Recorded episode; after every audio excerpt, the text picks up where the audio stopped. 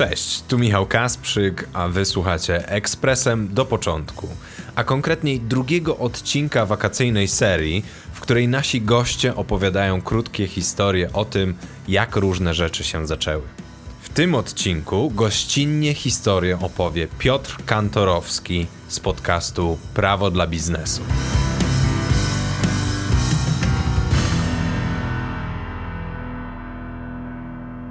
Dzienniki kapitańskie jest rok 38 576. Statek Enterprise przemierza właśnie przestrzeń klingońską, jednak wszystko wydaje się być pod kontrolą. Krążowników klingońskich brak, a wszystkie systemy statku działają prawidłowo. Jeszcze tylko sprawdzę swoją skrzynkę mailową, żeby upewnić się, czy nie ma jakichś ważnych informacji. Nie! Na mojej skrzynce jest klingoński spam! Co? Gdzie? Cholera, człowiek na chwilę utnie sobie drzemkę, ma wolne od nagrywania, a tu takie koszmary.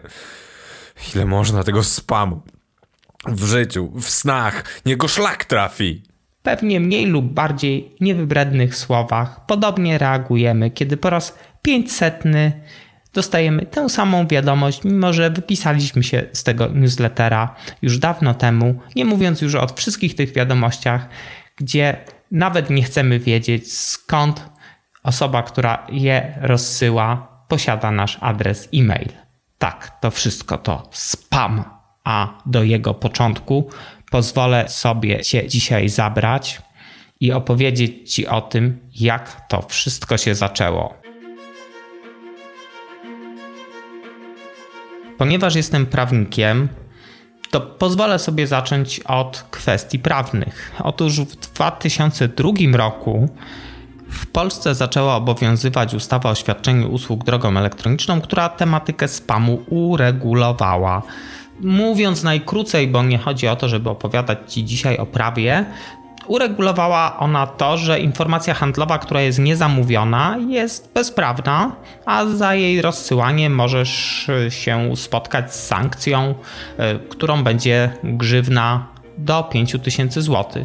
Kwestia spamu jest uregulowana też w prawie telekomunikacyjnym i w uwielbianym przez niektórych RODO, i tu kary za rozsyłanie spamu są już znacznie, ale to znacznie wyższe. Ale to nie od tego kwestia czy tematyka spamu się zaczęła. Żeby przybliżyć się do jej początków, przenieśmy się do XX wieku, kiedy to można było wyraźnie zauważyć, że temat spamu ma niebagatelny związek z prawem.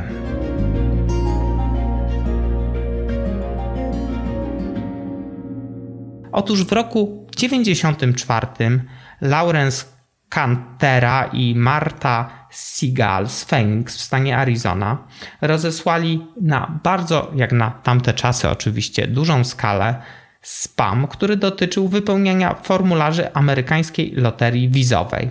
Dodam tu tylko, że obie wymienione przeze mnie osoby były adwokatami prowadzącymi kancelarię i tym samym niebagatelnie zaznaczyły związek między spamem a prawem.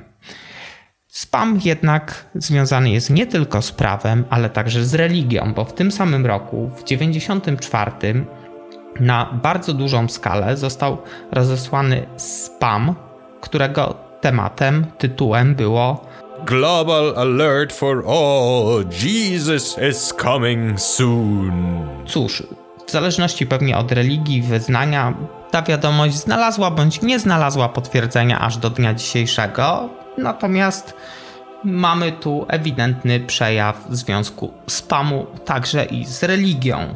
Przy czym to nie od tego wszystko się zaczęło i możemy śmiało przenieść się do lat 80., kiedy to w 88 Rob Noah wysłał do wszystkich dostępnych mu grup wiadomość o tytule Help Me, w której próbował uzyskać pomoc finansową dla swojego kolegi, któremu zabrakło pieniędzy na kontynuowanie studiów. Jednak to nie w latach 80. zaczął się spam. Spam zaczął się wcześniej. I jak podaje Wikipedia, już 3 maja 1978 roku miała miejsce wysyłka spamu, który miał charakter reklamowy. Był to spam dotyczący firmy Digital Equipment Corp i zapraszał on na dzień otwarty firmy, kiedy miała być prezentowana najnowsza oferta tej firmy, ale to nie od tego wszystko się zaczęło. Kilka dni wcześniej, a w zasadzie dwa dni wcześniej, bo 1 maja 1978 roku, pan o imieniu, i tu mogę niestety nie sprostać w prawidłowej wymowie, Enira Stafarut, rozesłał do około tysiąca osób maila, w którym zapraszał na swoje urodziny. No, spotkało go chyba jak na tamte czasy dość duże nieszczęście, ponieważ odpowiedzi, które zaczęły spływać na jego zaproszenie, doprowadziły do tego, że trwale zablokował się jego dysk twardy, a w tamtym czasie nie były to tanie rzeczy. Także Spammer, przynajmniej ten pierwszy oficjalnie znany, został, można powiedzieć, ukarany, co niestety nie powstrzymało całego zjawiska.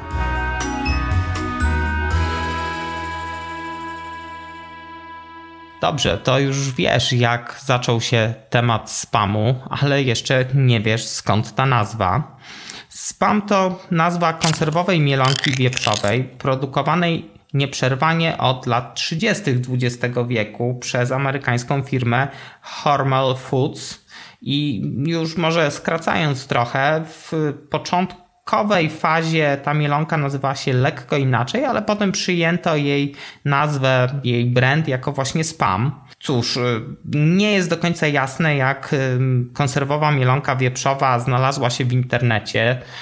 Natomiast większość źródeł wiąże to z latami 80. i z modnymi wówczas grami mód, które były grami tekstowymi, chociaż w latach 90. jeszcze gdzieś można było się z tymi grami spotkać, tylko do tego trzeba było mieć dostęp do internetu. I tutaj też nie ma pewności, jak do tego doszło, że to słowo weszło do obiegu w kontekście właśnie niechcianej wiadomości.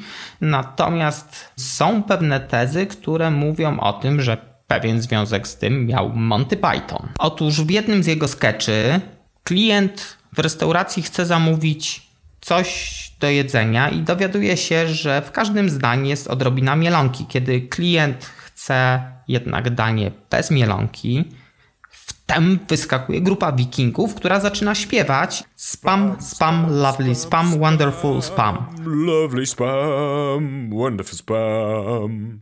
Więc cóż, takie są początki spamu i to wszystko na dzisiaj, a ja Ci bardzo dziękuję. Pozdrawiam. Piotr Kantorowski z podcastu Prawo dla biznesu. Piotrze, Wielkie dzięki za to, że opowiedziałeś naszym słuchaczom tę historię. Mam wrażenie, że niedługo będziemy mogli stworzyć pakiet nagrań o zgrabnym tytule Horrory internetu, bo mamy już wyskakujące reklamy, mamy też spam i no jestem ciekaw, co będzie kolejne. Piotra możecie posłuchać w podcaście Prawo dla biznesu. Link do niego znajdziecie w notatkach. A wam, drodzy słuchacze, dziękuję, że tego odcinka podcastu do początku słuchaliście do końca. Za tydzień kolejny gościnny ekspres, a ja tymczasem idę sprawdzić stan konta, bo słuchajcie, wczoraj dostałem wiadomość, że odziedziczyłem fortunę jakiegoś nigeryjskiego księcia. No i wysłałem im opłatę za koszty manipulacyjne, bo prosili i czekam teraz na przelew od nich. Także do usłyszenia!